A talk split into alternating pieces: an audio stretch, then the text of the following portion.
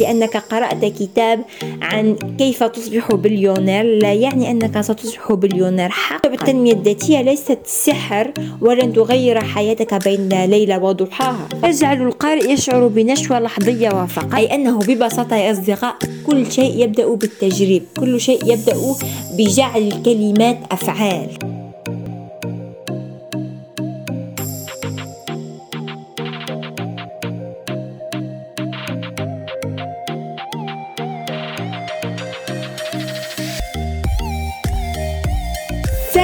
نتمنى تكونوا بخير ومرحبا بكم في حلقة جديدة من بودكاست موضوع اليوم.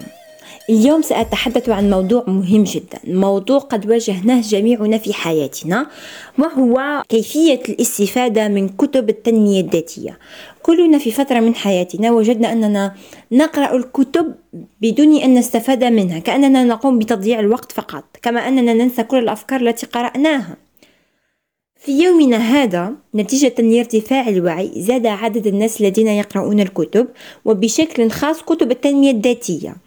لكن تجد بعض الناس يبدأون بالشكوى بعد فترة قصيرة من انتهائه من كتاب ما يشكو أنه هذه الكتب لا تساعد على التغيير وأنها عبارة عن كذبة كبيرة.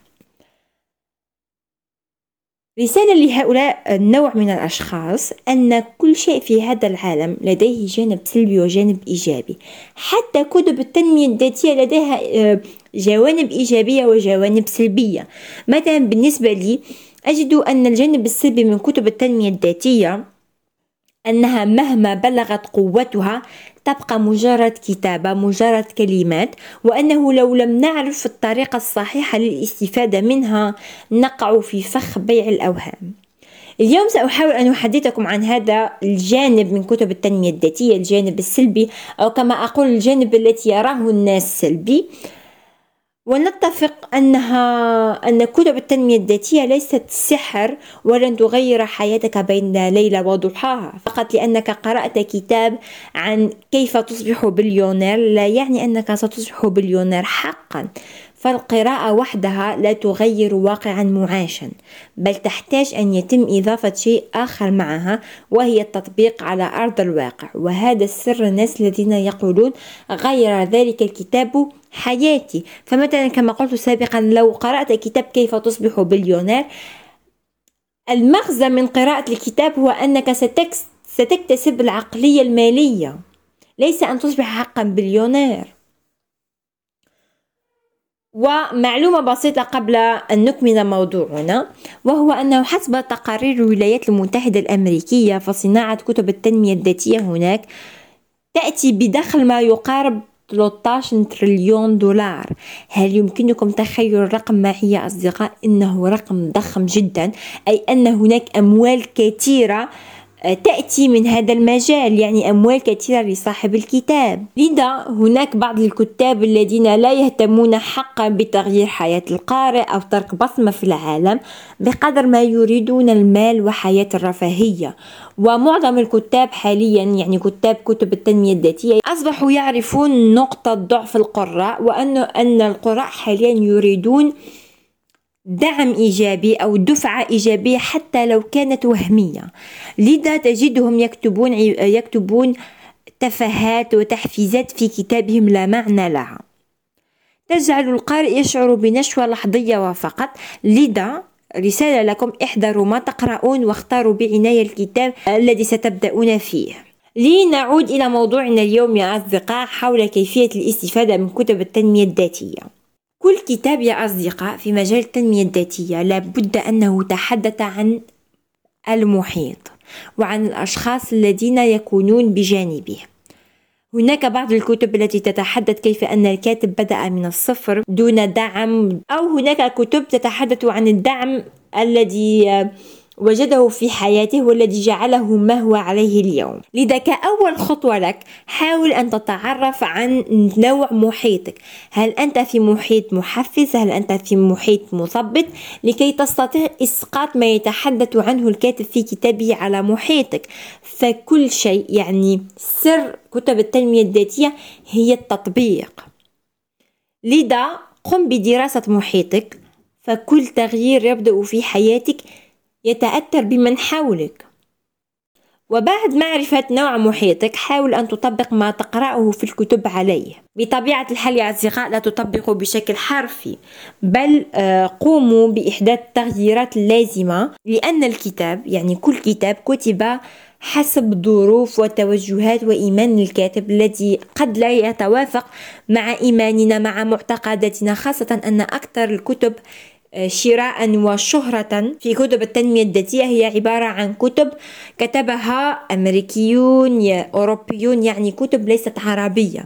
إذا تجد أن معظم الأفكار التي يطرحونها معاكسة قليلا لمعتقداتنا. أنت فقط قم بتصفية ما تحتاجه وقم بتغيير ما يجب تغييره لكي يتلائم معك ومع وسطك.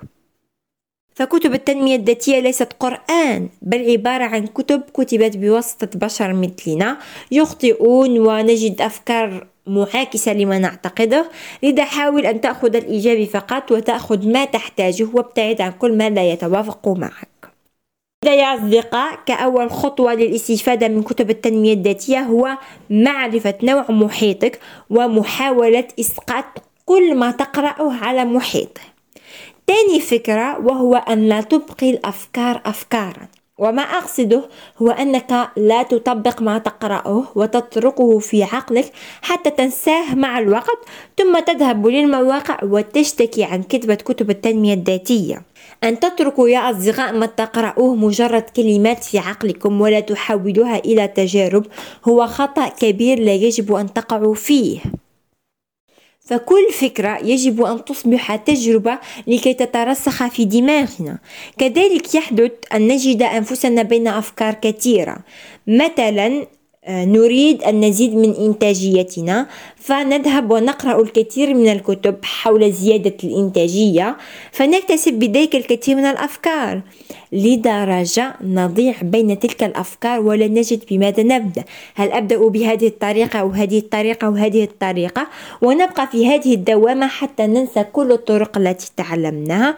ونذهب إلى نقطة الصفر ونعيد العملية كل مرة. فنجد أنفسنا في دائرة لا نستطيع الخروج منها.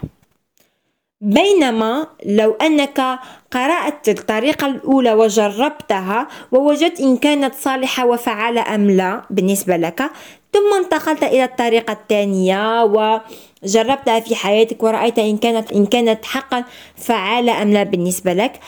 وقمت بهذا مع كل الطرق حتى تجد الطريقة الأفضل بالنسبة لك. لما وقعت في فخ سلبية كتب التنمية الذاتية أي أنه ببساطة يا أصدقاء كل شيء يبدأ بالتجريب كل شيء يبدأ بجعل الكلمات أفعال. فالكتب أساسا تعطينا معلومات أفكار استراتيجيات. كذلك يا أصدقاء احذروا. فالكتب تعطينا معلومات أفكار استراتيجيات لكنها لا تعطينا الطريق التي سنسيره. كنا مثلا محظوظين واخترنا كتاب جيد جدا. سيعطينا مثلا نقاط البداية وبعض العراقيل التي قد نجدها في طريقها في طريقنا. لكنها لكن الكتب لا تعطينا أبدا. الطريقة من الألف إلى الياء. لذا في طريقك إلى النجاح أو في طريقك في طريقك نحو الشيء الذي قرأت من أجله.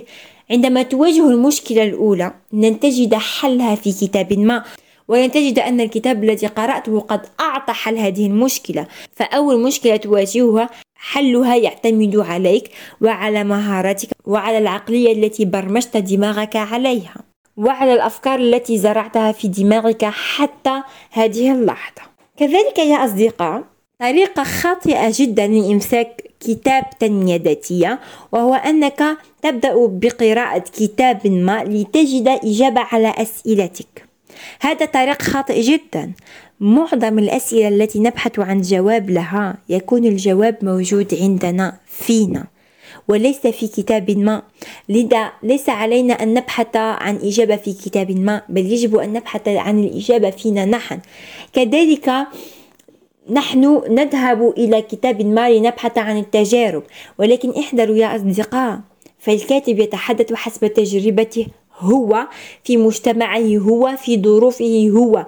يمكن أن لا تكون التجربة مطابقة لك يمكن أن تكون التجربة لا تصلح معك يمكن أن تكون الحلول التي وجدها الكاتب لا تكون ممتازة أو صالحة أو فعالة بالنسبة لك. لذا دائما تذكر أن كل كتاب كتب حسب تجارب وضعية الكاتب.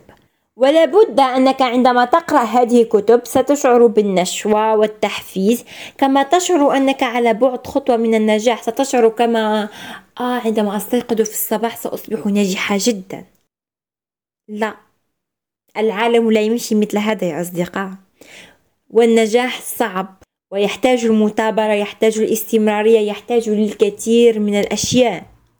كذلك أرى الكثير من الناس يتحدثون هكذا. مثلا آه، يسمع في بودكاست ما ويسمع آه، صاحب البودكاست يقول ذلك الكتاب إكس غير حياتي. فيذهب ذلك الشخص لشراء ذلك الكتاب كي يغير حياته. لا لا لا لا ذلك خطأ كبير. لا يوجد كتاب غير حياة إنسان. فالكلمات والورق لا تغير حياة بل التغيير يأتي منا. التغيير يبدأ منا تتغير حياتنا لأننا أردنا التغيير سعينا إليه. فالكتب نأخذ منها المعرفة الحيل الأساليب ونحولها لطرقنا ونبرمجها في عقلنا عن طريق استعمالها في حياتنا فتصبح كآلية فينا. فبذلك تتسهل علينا استعمالها خلال الفرص والعراقيل التي نجدها في حياتنا وتصبح كموهبة بالنسبة إلينا. كذلك يا أصدقاء إن كنتم تقرؤون الكتب لتأخذوا منها التجارب والأفكار وتستخرجوا منها ما ينفعكم وترون كتب التنمية الذاتية كوسيلة للتغيير نعم إنكم في الطريق الصحيح فهذا هو الهدف منها. فهذه الكتب عبارة عن سلاح ذو حدين. إن طبقت ما تتحدث عنه واستفدت منها فأنت في الطريق الصحيح. ولكن إن جعلت كلمات تبقى كلمات فأنت بذلك تضيع وقتك فقط.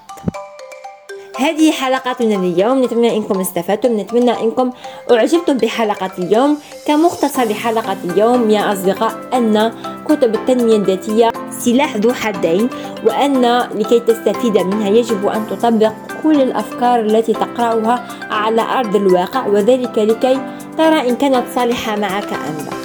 ونلتقي في حلقة قادمة إن شاء الله ودمتم في أمان الله.